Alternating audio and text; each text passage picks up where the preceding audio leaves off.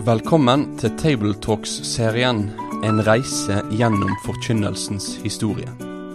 Programmet er utarbeidet av Egil Sjåstad i samarbeid med Asbjørn Kvalbein og Sunniva Fuglestveit, og vært publisert av den kristne ressurssida foross.no.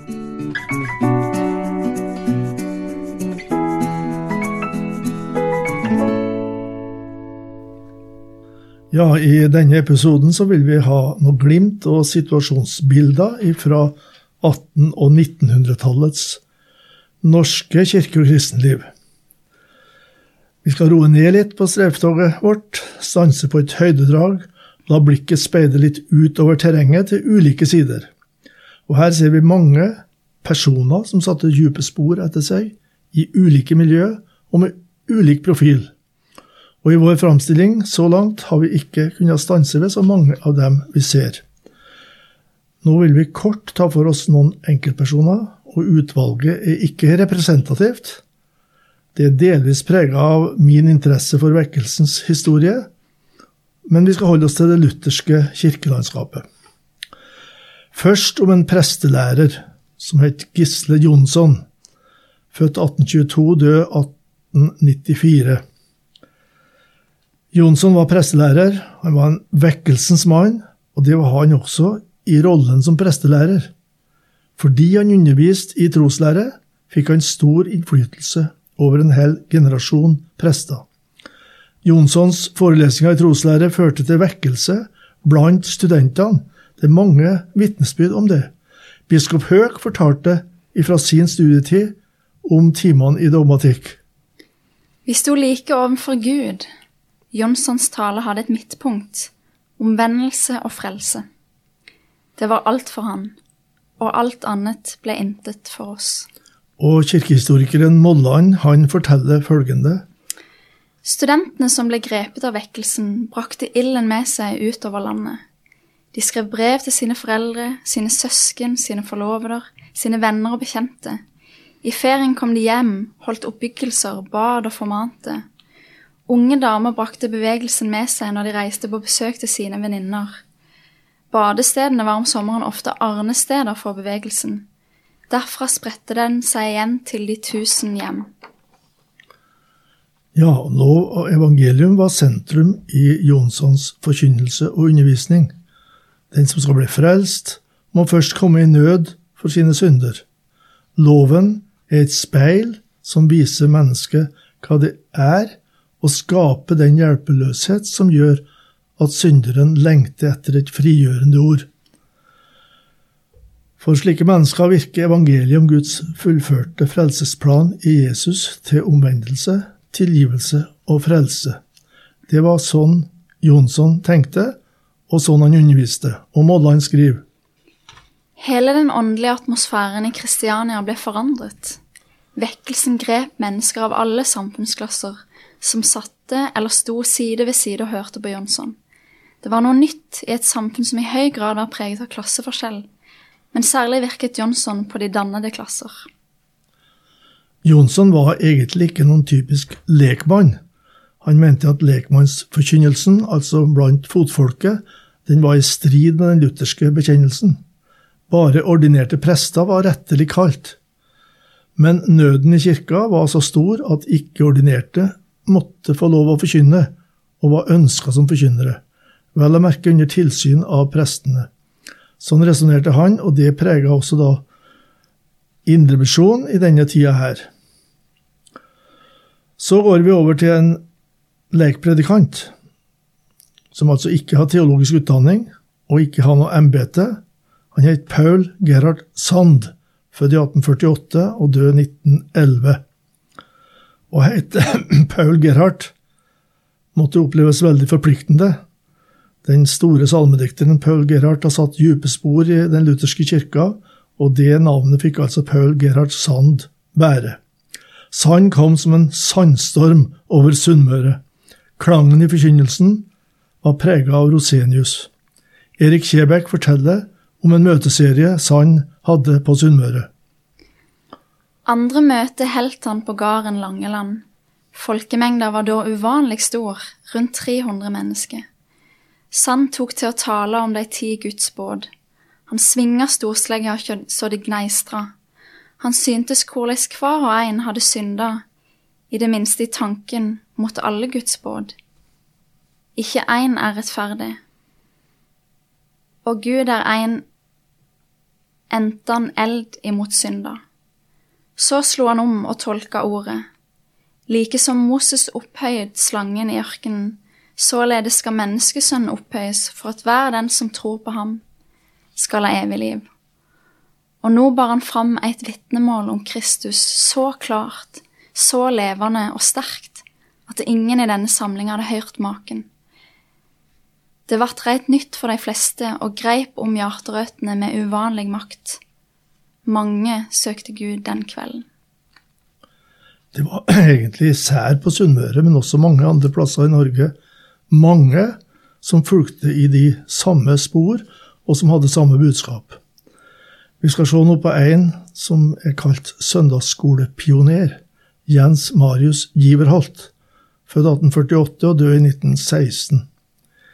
I boken Gift av Alexander Kielland møter vi lille Marius. Navnet Marius, kanskje også noe av konturene av denne Marius, har Kielland henta fra klassekameraten Jens Marius Giverholt. Men de to gikk altså hver sin vei gjennom livet. Giverholt var allerede som teologistudent grepet av den rosenianske vekkelsen. Som 26-åring skrev han sangen o lammets blod, det dyrebare blod. Formuleringen vitner om hvor nær den rosenianske klangen i forkynnelsen sto den herrenhuttiske. Vi har sett litt på det i en episode tidligere. Den typen personlig erfaring som omtales i følgende vers, kjennetegna mange troendes vitnesbyrd i disse vekkelsestidene. Da en ugudelig jeg bleven var, ufattig sjel som intet i seg har. Da fikk jeg se det blod på korset rant, og legedom for sjelsmerten fant. Det er referanse til Romerne 4, vers, vers 5, og den er tydelig. Jesus døde for ugudelige, og de som hørte på, de lærte å definere seg sjøl med betegnelsen ugudelig, og derfor ble behovet for en reell frelser, virkelig frelser, for virkelig syndere stort. Noen ganger kunne opplevelsen av denne frigjøringen datofestes. Fokus på tidspunktet for den åndelige frigjøringen kunne i seg sjøl skape en krise hos unge som hadde vokst opp i sin dåpspakt. Dette gjaldt meg personlig, som vokste opp i samme tradisjon 80-90 år seinere.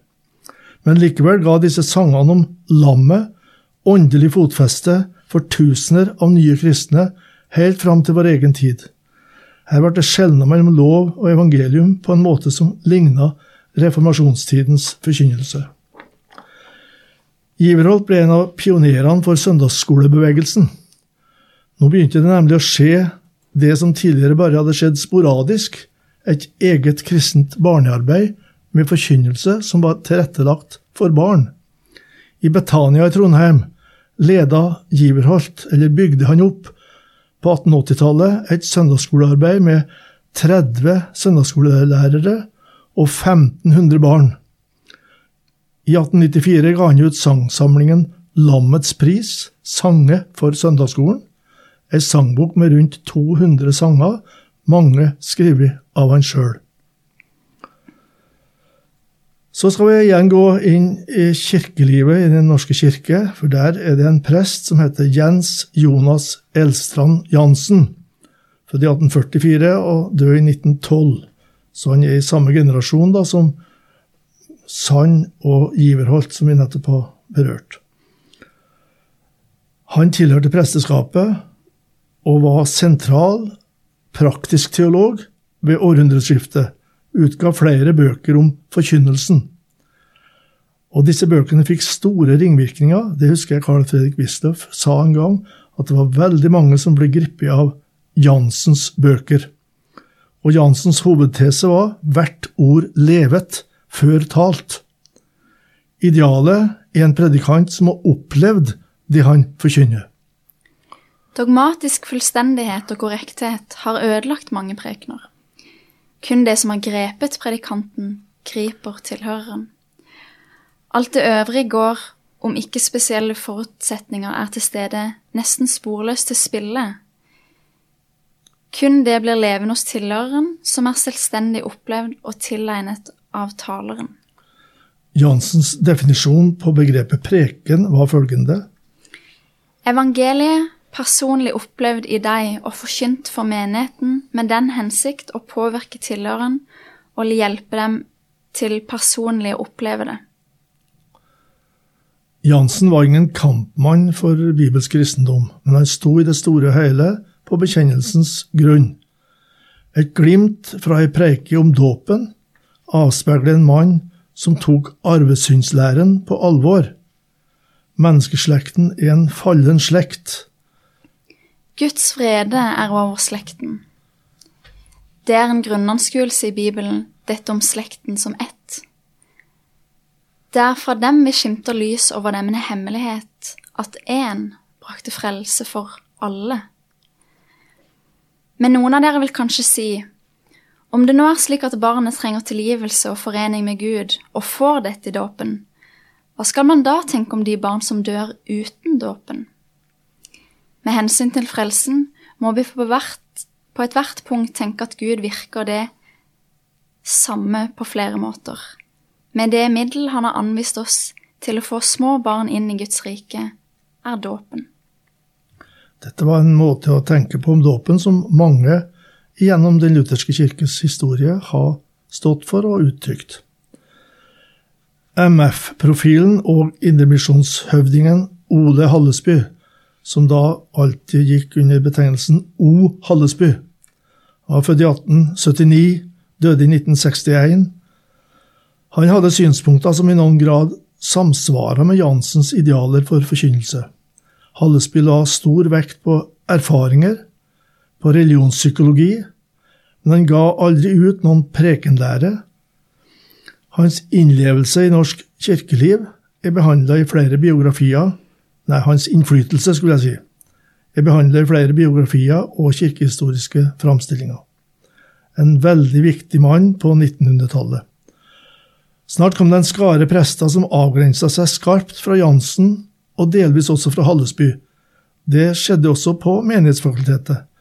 Disse ungdommene var disipler av den tyske dogmatikeren Karl Barth, født 1886 og død i 1968.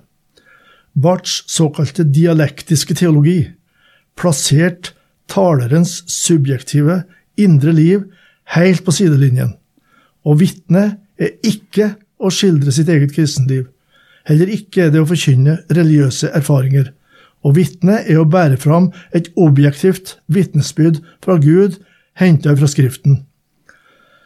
Ledere blant vekkelsesfolket eller misjonsfolket plasserte seg ofte imellom Jansen og Barth, i den grad de kjente til dette her. Prestelærer og misjonsleder Carl Fredrik Bisløff, som døde i 2004, da var han 96 år gammel, han er et eksempel på en som balanserte imellom de posisjonene her. Han begynte å preike på slutten av 30-tallet, og fikk etter hvert sterke impulser av Rosenius.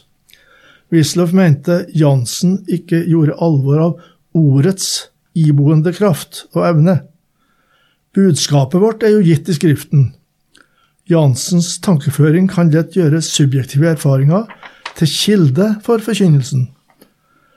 Men, sa Wisløff, Barth, som for øvrig ikke egentlig hadde et pålitelig bibelsyn, han ivaretar på sin side ikke Bibelens tale om nådegaver og åndsutrustning og erfaring, og han kjenner ikke skjelningen mellom lov og evangelium. Det er den som plasserer troserfaringen på rett plass, mente Wisløff. Her er et sitat fra Wisløff om hvor nødvendig det er at, er født, at forkynneren er født på ny. Har ikke forkynneren i sitt hjerte tatt imot evangeliets vitnesbyrd, slik at det har blitt hans livsgrunn, så vil det komme til å lyde sjelden og i dårlig indre sammenheng, og det vil komme til å tre tilbake for andre ting som i den uomvendtes bevissthet står som viktigere. Troserfaringer setter oss i stand til å gi ordet hverdagsdrakt så det kan komme ut til menneskene. Wisløff er for øvrig den som skrev den prekenlæren på siste halvdel av 1900-tallet, 'Ordet fra Guds munn'. Ja, han skrev den i 1950-åra, da. Som er det mest leste homiletikken i dette hundreåret. Jeg syns det var spennende å lese dette med Jansen og Barth og Wisløff. Eh, Jansen på sin side om at predikanten må ha opplevd det en, det en forkynner, og Barth på sin side som, som ville vektlegge eh, Skriftens iboende kraft. Eh, kanskje er det fornuftig å ta en sånn slags mellomposisjon, sånn som Wisløff på en måte gjør her. Men et poeng som jeg tror er viktig, og som jeg antar at, at Wisløff òg kanskje ville sagt seg enig eh, det er det å vite at Skriften og Guds ord alltid er objektivt sant, selv om jeg ikke alltid opplever det subjektivt. Det har i hvert fall vært en sånn ting som har blitt viktig for meg i mitt liv, og kanskje også som forkynner òg. At det ikke alltid har kjent på eh, når jeg har talt, at jeg alltid sjøl føler at jeg blir grepet av, av, ordet. Noen ganger føles kanskje Bibelen som bare ord, andre ganger kjennes de som virkelig levende ord. Men jeg veit at jeg kan stole på at eh, at Guds ord er objektivt sant, og det hviler ikke på, på, mine subjektive opplevelser av det alltid. Det tror jeg er en viktig ting å huske på òg eh, i forkynnelsen, at vi vil oppleve dette svingende, men, men Guds ord er alltid sannhetens ord uansett. Jeg skulle tro du har lest det Wisløff sa videre om Jansen. For han forteller at Jansen en gang skrev at 'jeg har aldri forkynt om nattverden'. For jeg har ennå ikke hatt den opplevelsen av det som jeg må ha for at jeg kan forkynne det, mm. sa Jansen. Mm. Og da skjønner vi at dette, denne posisjonen kan spore av. Mm. For vi må også forkynne det budskapet som vi i øyeblikket ikke subjektivt har sterke følelser knytta til. Ja. Men da skal vi til slutt i denne episoden gå inn på lavkirkelighetens ideolog, her kalt den her da, i manus, Ludvig Hope. 1871 1954. Han var først og fremst forkynner, men ble også i den egenskapen en slags fører for hele lekmannsbevegelsen, altså den delen av lekmannsbevegelsen, især på Vestlandet, som vi kaller den radikale bevegelsen. Lekmannsbevegelsen. Han var forkynner, forfatter og ideolog, og var den førende skikkelsen i Kinamisjonsforbundet i mer enn én en manns alder. Altså Kinamisjonsforbundet, det er da NLM. Han ville sikre lekmannsbevegelsens rett innenfor statskirka, og kjempa for fri nattvær innenfor statskirkens ramme, men nattvær som var forvalta og, og ordna til for kristenfolket lokalt. Han var 1900-tallets fremste lekmannshøvding, og etter hvert ble han veldig respektert i det kirkelige, sånn at han ble med i den midlertidige kirkeledelsen under andre verdenskrig. Da var mange av de stridighetene innen kirken lagt på is på en måte i en periode, og de sto sammen om mange ting mot nazismen. Håpet levde nær sin samtid og sin kultur, og nådde fram til folk i ulike samfunnslag med evangeliet. Sjøl om han, eller kanskje fordi han, holdt seg til nynorsk. Han er sammen med salmedikteren Elias Blix den som har kristna nynorsken i Norge, er det sagt. Og han forena to sterke strømdrag i Norge i samtida, norskdom og kristendom. Det var typisk for mange predikanter at de har en klang av gleden over den nyervervede frihet, landet, folket og kulturen med seg på prekestolen, midt i det budskapet de hadde. Når Hope taler om fedrelandet, eller om mor, eller brukte bilder fra bygdelivet eller hverdagsslitet, så spilte han på strenger som skapte lydhørighet, langt utover de personlige kristnes rekker. Folk med klar profil har ofte måttet høre beskyldninger om dømmesyke. Det fikk også Hope høre. Her tar Hope i en preike opp hva dømmesyke egentlig er. Like så lett som vi har for å se andres feil, like så vanskelig har vi for å se vår egen. Og like så stor andres feil er, like så små er mine. Andres feil er bjelke, mine er flis. Det er denne falske vurdering av våre og andres feil som Jesus advarer oss mot når han sier døm ikke. Men la oss tenke oss at det motsatte kom til å hende, at vi så andre synder små og våre egne store. At det hendte det som Jesus sier, at bjelken kjør meg og flisa kjør den andre. Hvor tror du da det vil komme til å se ut i heimene, i nabolaget, i folkelivet, i arbeidslivet, i statslivet og ute i verden, mellom nasjonene? Ja, det var et glimt av Ludvigs, Ludvig Hopes forkynnelse. Han skrev veldig mye oppbyggelig stoff. Det vil si, han skrev ikke det sjøl, men eh, han fikk det nedskrevet av kirkehistorikeren Oskar Handeland, som var dyktig i språk. Hope var den muntlige forkynner, men han skrev også mye når han forberedte seg til preking. Så en gang sa han at 'jeg skriver ammen og jeg', sa han, når han uh, la fram stoff og prekestolen. Men når han preika, så var det som ingen merka at han hadde papir. Takk for at du har vært med på denne reisa gjennom forkynnelsens historie. Vil du lese mer om temaet? Da kan du kontakte oss på postalfakrøllfoross.no for å bestille denne serien i bokform. Besøk òg gjerne foross.no for å finne flere aktuelle ressurser.